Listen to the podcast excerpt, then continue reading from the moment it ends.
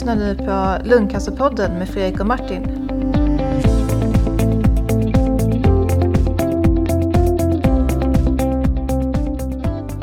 Hej och välkomna till Lungcancerpodden. Jag sitter här med Martin. Tjena Martin! Halloj! Och eh, Mikaela Lutman från eh, eh, Stockholms sjukhem. Hej Mikaela! Hej Fredrik! Jätteroligt att ha kontakt med dig igen. Ja, detsamma, detsamma. För, eh, på Stockholms sjukhem så har ni den här ASIH eh, avancerad sjukvård i hemmet som jag har varit ansluten till tidigare.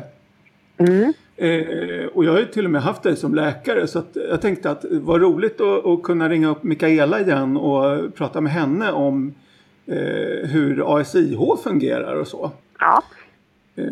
Och, det är jättekul att du kan vara med verkligen. Eh, för jag har så eh, verkligen bra erfarenheter av, av eh, ASIH. Eh, och eh, det blir jätteroligt att få förhöra dig lite på, få höra lite mer ja, men från början hur allt det här funkar och så.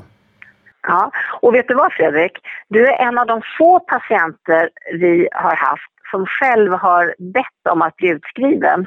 Det är rätt många som blir utskrivna, som är i din situation, som blir friska och inte behöver oss längre. Men de flesta brukar tycka att det är ganska tryggt ändå att det finns någonstans att vända sig. Att det är ganska trevligt med de här eh, sköterskorna som kommer ibland. Men du kände ju att du mådde så bra och var frisk och behövde inte oss längre och skulle inte liksom ta upp resurser som någon annan kunde få. Så du bad själv om att bli utskriven. Vilket ja. var ju helt riktigt men det var också väldigt roligt faktiskt. Ja, det var jätte... Ja. liksom, det var någon egen sådär målbild att ja, men när jag är klar på första cytostatika-rundan då ska jag liksom stå på egna ben ja. och så. så att... Ja, men precis. Men det där att kunna skära, klippa av navelsträngen, det är inte så lätt. Nej, verkligen. Och så, och så bort, bort, bortskämd som man blir hos er också när ni liksom kommer och tar blodprover hemma och sådär. Men kan vi börja liksom det här med ASIH egentligen? Om man spolar tillbaka och börjar från början. Vad, vad, vad är det? Eh, alltså, eh, det finns ju hemsjukvård från vårdcentralerna och det brukar kallas för basal hemsjukvård. Det är till exempel en undersköterska som kommer hem och ger en insulininjektion varje dag till en gammal människa som inte klarar det själv. Eller distriktssköterskan som kommer och lägger om sår eller eh, lämnar dosetter med läkemedel och så. Och de jobbar ju framförallt på vardagar och sen så finns det även team som åker runt på kvällarna. Men det som är, skiljer oss ifrån den basala hemsjukvården det är att vi är avancerad sjukvård. Så vi gör ju väldigt, väldigt mycket. Vi, kan, vi brukar säga att vi kan göra all sjukvård utom att röntga och göra stora operationer. Nästan är det så. Att vi kan ju ge blodtransfusioner och dropp och eh, behandla svåra infektioner och så vidare. Sen är det också det att vi är tillgängliga dygnet runt. Vi har ju sköterskor som är vakna som tillhör vårt team. Det är alltså inte en annan organisation på icke eh, på jourtid utan det är samma, samma organisation så att vi har, har kontakt hela tiden med våra nattsköterskor och ibland är det samma sköterskor som ibland jobbar dag och ibland natt så att det är mycket bättre samarbete så att säga.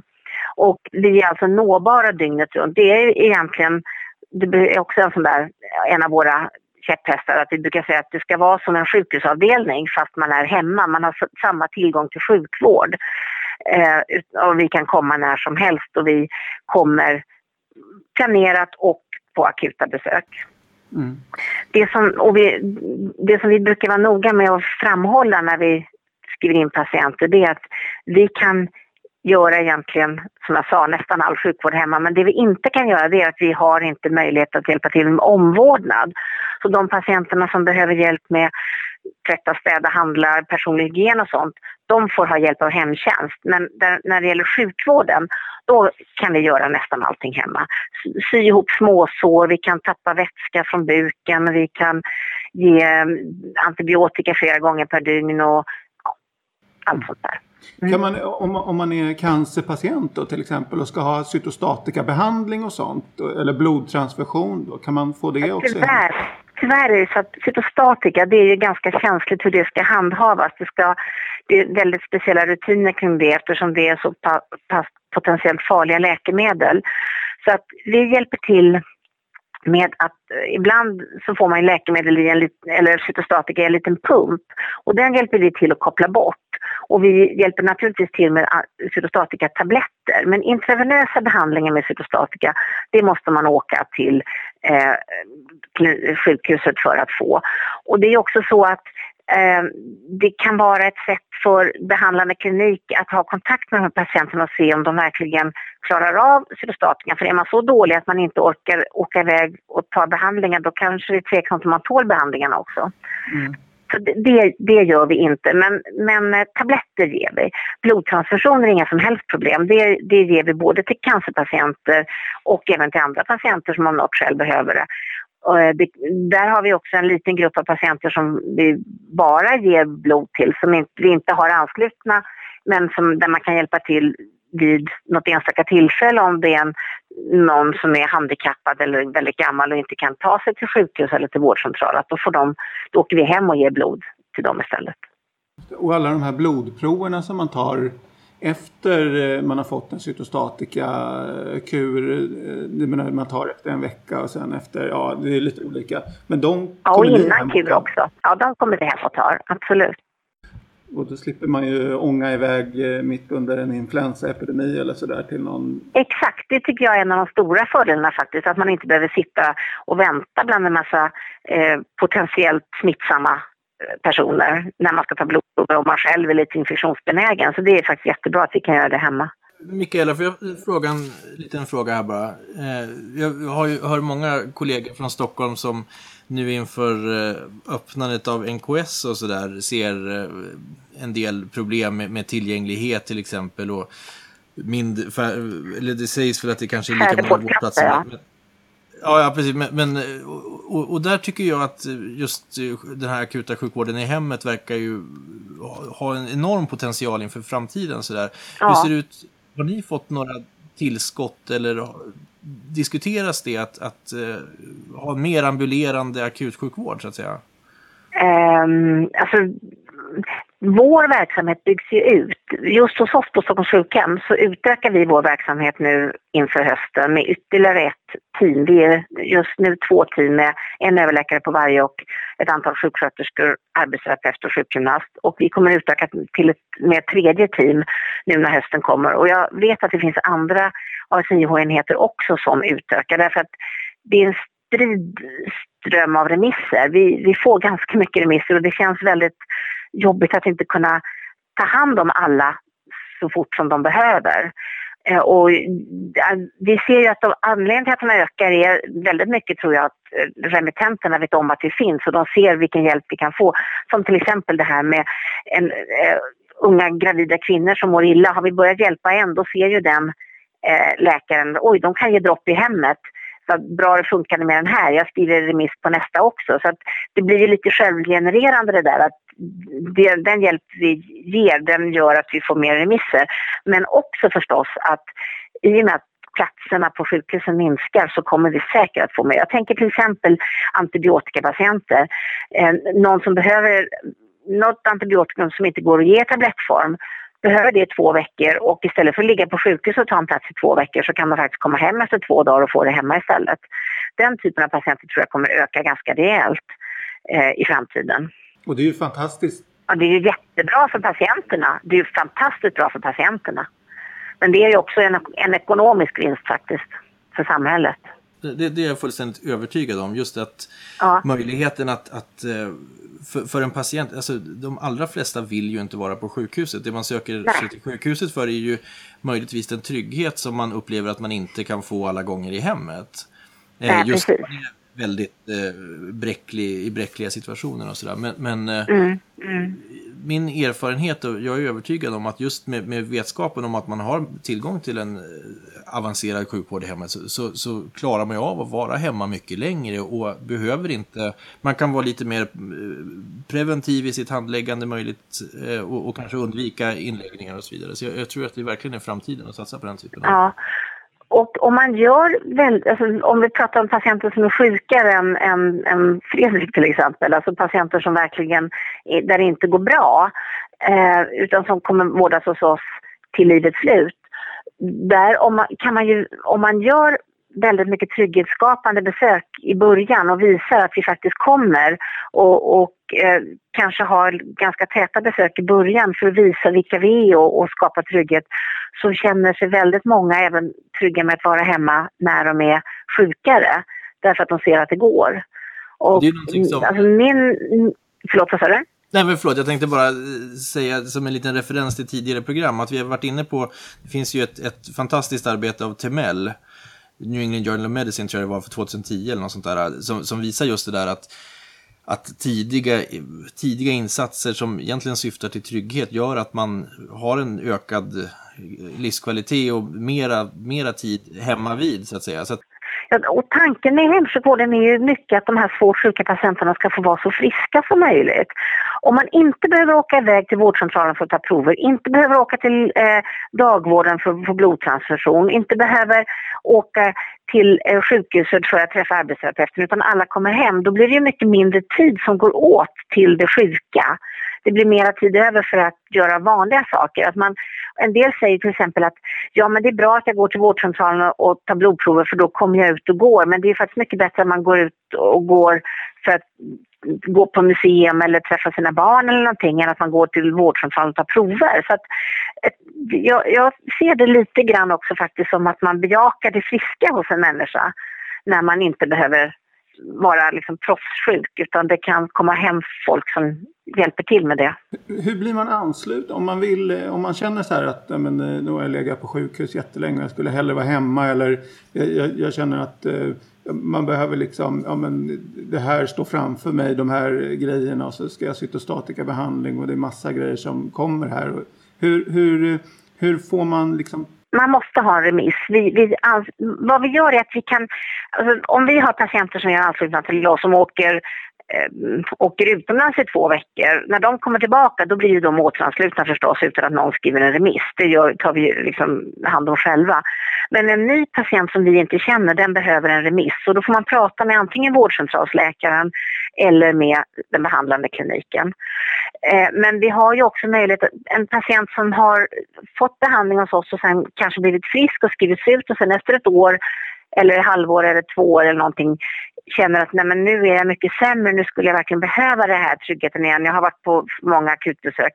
Då kan de, händer det ju faktiskt att de ringer till oss och säger att nu behöver vi det här och då försöker vi att fixa att vi kan ta hand om patienten snabbt och eh, att vi får en remiss så att vi kan liksom hjälpa till. Man har ju förtur om man har varit ansluten till oss tidigare. Har ni några krav i samband med eh, anslutande av en patient? Så att säga? Alltså att när ni accepterar en remiss, att det ska finnas ett aktivt behov av eh, avancerad sjukvård för tillfället? Ja, det måste det ju göra. Det händer ju faktiskt att vi ser att nej, men, den här patienten klarar sig jättebra utan oss. Det här, den här patienten behöver inte eh, sjukvård. Det kan vara så att det kanske har dröjt en vecka och hon har blivit mycket bättre eller någon som har varit på rehabilitering efter att remissen skrevs och då har allting löst sig. Eller att eh, hon var kanske inte riktigt så sjuk som det verkade från början. Det förekommer ju att vi åker på ett bedömningsbesök och sen så är vi överens med patienten om att nej men du behöver inte oss, inte nu i alla fall vi återkommer om behovet uppstår. Men det är inte så ofta faktiskt. De flesta som skriver remisser till oss är väldigt bra på att förstå att den här patienten behöver eh, avancerad sjukvård. Jag tycker snarare att det skrivs för lite remisser. Jag tycker rätt ofta att, man, att vi får patienter som man känner att du skulle verkligen ha haft stor glädje av oss redan för ett år sedan. Eller att man hör talas om bekanta eller så när man tänker att oj, varför får jag inte den här hemsjukvård? Jo, nej, men det är väl någonting som jag som remittent då kan känna ibland. Och nu, nu, nu remitterar inte jag till dig utan till motsvarande klinik här i Uppsala då som gör ett fantastiskt jobb och, och har ju samma upplägg kan man väl säga på många sätt. Eh, men, men, det kan vara svårt just det där för att ofta så ser man ju en patient där man känner att det här är en, en patient som kanske just för tillfället är relativt stabil men, men det här kommer att vara jäkligt bräckligt framöver. Det kommer att finnas behov för vad det nu kan vara sådär. Eh, och, och för vissa så känner man ju bara att, att kan man få eh, ja, saker som kanske då egentligen skulle vara primärvården som, som tog hand om men, men som man känner att den kommunikationen är oftast inte tillräckligt bra upplever jag tyvärr. Alltså. Nej, men och då, då är det... Ja, man, jag förstår, man kan liksom fundera på ska jag verkligen skriva remissen och då tycker jag att då ska man göra det. För visar det sig då att nej men det, det, det, här är inte en patient för oss, det är väl inte farligt att vi åker och sen så blir det ingenting. Det, det, då har vi gjort ett, ett besök, men det, det står alla ut med. Eh, och ofta kan det ju vara så att den där tiden när patienten mår ganska bra och inte har jättestora behov av oss eh, den bäddar ju för att det ska bli bra när patienten blir sämre. Om vi då kan etablera kontakten och lära känna varandra, lära känna familjen, komma med hjälpmedel i god tid och så vidare, kan ju vara det som gör att när den här människan sen verkligen är jättedålig så kan det vara den trygghetsskapande kontakten som gör att hon kan få en bra sista tid. Eh, så att om det inte är så att det handlar om, om, flera år förstås, men om det handlar om en relativt begränsad tid så har vi ofta stor glädje av att få, få träffa folk innan det är superakut. Mm. Och det är kanske det jag lite grann har känt att jag saknar då. Ut, bara, och jag vet inte, jag förutsätter att det är en resursfråga som jag det skulle vara fantastiskt om man tillsammans kunde kämpa för att öka på. Just därför att jag tänker just det här första besöket. Det är ju så att ASI och akutsjukvård i hemmet är ofta lite stigmatiserat. Det, det är liksom någonstans, det, det, luktar Exakt. lite grann hospice av det hela sådär. Eh, och, och, när man börjar ta upp den frågan nu då så, så är det ofta så att patienten liksom känner sig, okej okay, då är det kört. Nej, liksom. så dålig är jag inte. Ja, exakt. Och, och liksom, nej, men jag ska kämpa på. Jag vill... Någonstans kan jag någon, ibland känna att, att det bästa kanske skulle vara att man eh, samtidigt i princip som man skrivs in, om man har en, en, en, en prognos som ändå ser förhållandevis dålig ut så att säga, att man kanske kunde få det där bedömnings... Mm och informationsträffen tidigt och sen så, som sagt var, så, så händer ingenting på tre månader eller ett halvår eller nio månader. Men att sen när man, då vet man att det finns och det kanske blir en lite mindre tröskel. Men återigen, jag förstår att det finns en resursfråga där också. Jo, det är det ju, men man kan ju faktiskt bli inskriven ett tag och sen så kan man säga att nej, men du behövde inte oss, då skriver vi ut det, men nu vet du vad det är och när du blir sämre så känner vi dig och då kan du komma tillbaka. Och sen tycker jag att det är viktigt att man också talar om för alla patienter att visst är det så att vi har svårt sjuka patienter och de flesta av de patienter Bland, av våra patienter, de som dör, de flesta dör ju hemma. Men vi har ju väldigt, väldigt många som vi skriver ut friska det är ju inte så att vi bara har patienter som ska dö.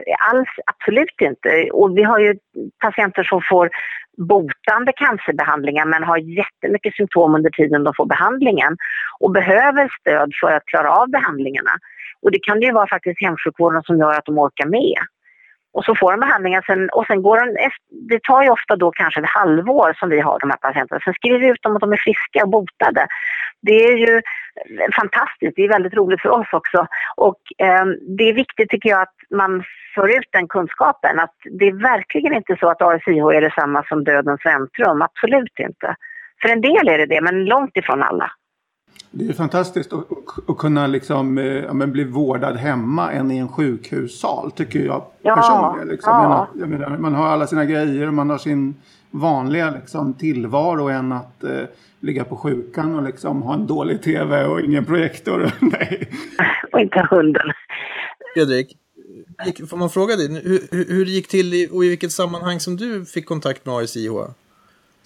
Jag fick eh, det, alltså det var det här när jag fick min, eh, jag hade fått min diagnos där 2013 eh, i november och sen så skulle jag gå igenom ett antal då cytostatika behandlingar. Man visste inte riktigt hur eh, liksom hur mycket cytostatika jag skulle få. Man hade inte utrett om jag var, hade mutation eller något sånt. Och det var, väl, hela världen var upp och ner. Så att, Um, och uh, dessutom så fick jag den här lungembolin då, blodproppar i lungorna uh, under, under um, uh, julen där. Så att, men det var någon gång innan det som jag, liksom, jag fick ASIH rätt prompt när jag åkte hem från sjukan. För att just slippa behöva åka in till sjukan och ta alla de här blodproven och så. Jag var rätt seg där i början efter att ha legat på sjukhus ett tag. Man var liksom eh, nedkörd och så. Så att, eh, det, det, var en väldig hjälp för mig att liksom eh, bara det att, att Mikaela och hennes team kom, kom hem till mig och liksom tog bara blodprov och liksom kollade hur man mådde och liksom hade koll på en. Så det var ju som att, som att vara på sjukan fast, fast eh, liksom läkarna kom hem till en istället. Det var ju fantastiskt. Eh, otrolig trygghet. Och upplevde du det som en eh, Upplevde du som en förmån eller som eh, någonting som, som Ja, faktiskt. Lite som att hamna i någon sorts nästan... Det kändes väldigt eh, lyxigt liksom att, eh, att, att, eh, ha, liksom, den, att få den tryggheten hemma. Det är liksom... Eh, ja, det är otroligt bra. Och jag menar det här bara att eh, inte bara det att inte behöva gå och ta blodprover men att även man, jag kunde få massa läkemedel som jag hade fått utskrivna i samband med de här. Det tog ju de med också för att jag låg ju på sjukan fast jag var hemma liksom. Jag, eh, det var verkligen eh, ett otroligt stöd så att det kan jag verkligen rekommendera flera att eh, ta den chansen om, om man får den. Eh, Eh, Mikaela, Ja. Eh, det finns ju mer än eh, läkare och sjuksköterskor på ASIH vad jag förstår. Ni har fler mm. Funktioner. Ja, vi har ju arbetsterapeut och sjukgymnast och det är ju ofta ovärderligt. Och det är ju så att olika patientkategorier har, och olika personer har olika behov av olika eh, yrkeskategorier. Ehm, vi har en hel del patienter med ALS, alltså den här eh, neurologiska sjukdomen som gör att man tappar funktioner, tappar rörligheten, tappar tal, sväljförmåga och så vidare. Och hos dem gör vi ju förstås sköterskor och läkare gör besök men den som är, de som brukar vara absolut viktigast är ju arbetsterapeuterna som ser till att de får de hjälpmedel de behöver. Och, och, det finns patienter som har en otrolig nytta av att sjukgymnasten kommer och hjälper dem med andningsträning eller med att de får kom, bada i bassäng eller att de hjälper dem med eh, kontraktilprofylax, alltså att, man inte, att inte benen ska stelna under en period när man är, då, är dåligt rörlig och så vidare. Så att eh, de är jätte, jätteviktiga, verkligen värdefulla. Vi har dessutom som tur hos oss att vi har en sjukgymnast som kan medicinsk, eller arbetsterapeut som är, kan medicinsk yoga. Och det är någonting som många patienter har, har väldigt stor glädje av. Eh, så att de är viktiga. Sen har vi ju kurator också. Mm och eh, det, många patienter tycker att det räcker bra med att eh, sköterskan kommer en gång i veckan och man får prata ordentligt eller att de, en del vill hellre prata med, med en doktor än med en kurator. Men anhöriga kan ju ofta ha jättestora behov också. De har inte alls samma eh, stöd kanske av, av, annan personal. Och, eh, så där gör ju kuratorn ett otroligt viktigt jobb att, uh, att stötta anhöriga, även patienter naturligtvis, men, men väldigt mycket uh, hjälp för anhöriga. För att anhöriga är ofta ganska bortglömda i sjukvården. Det. Verkligen, verkligen. Ja. Mm. Uh, och dietist tror jag också va, som Ja, ja, precis. Dietist har vi tillgång till. Jag vet inte hur det ser ut i andra ASIH-team. Vi har ingen dietist som kan göra hembesök. Det hinner hon inte för att hon har hand även om de inneliggande patienterna på hela Stockholms sjukhem. Men hon, eh, hon tar hand om hon kan träffa patienter här på sjukhemmet men framförallt kan hon hjälpa till med beställningar och eh, ge lite tips per telefon och så. Beställningar av näringsdrycker till exempel. Och sen har vi haft, har vi eh, präst också, sjukhuspräst som är ansluten som kan göra... Vår förra präst som nu har gått i pension, hon var, gjorde ganska, hon var utbildad samtalsterapeut också och gjorde ganska mycket hembesök och var hemma och pratade åt folk. Och det, det roligaste hon visste var de gånger som, som inte var för många men som hände att hon fick viga patienter hemma. Mm. Så det var sådär riktig guldkant på allas tillvaro. verkligen, verkligen. Ja, mm, ja, vad fint. Men en, en sak som jag tänker på, det är just också just mycket det här att att, att eh, få en mer, vad ska man säga, stegvis eh, övergång mellan det här att, att ge mycket behandling hela tiden liksom satsa på kuration eller åtminstone väldigt aktiv palliation och sådär. Mm. Och att, att mm. börja kanske förbereda lite grann för tiden som ändå för många tyvärr kommer när man faktiskt inte kan erbjuda så mycket mer i aktivt behandlande väg. Eh, hur, hur, upplever du, för jag kan tänka mig att, att för patienten så att, att, det kan vara mycket lättare att ta den, det samtalet i sin hemmiljö. Att man kan sitta i sin egen soffa, kanske få fram de här frågorna som...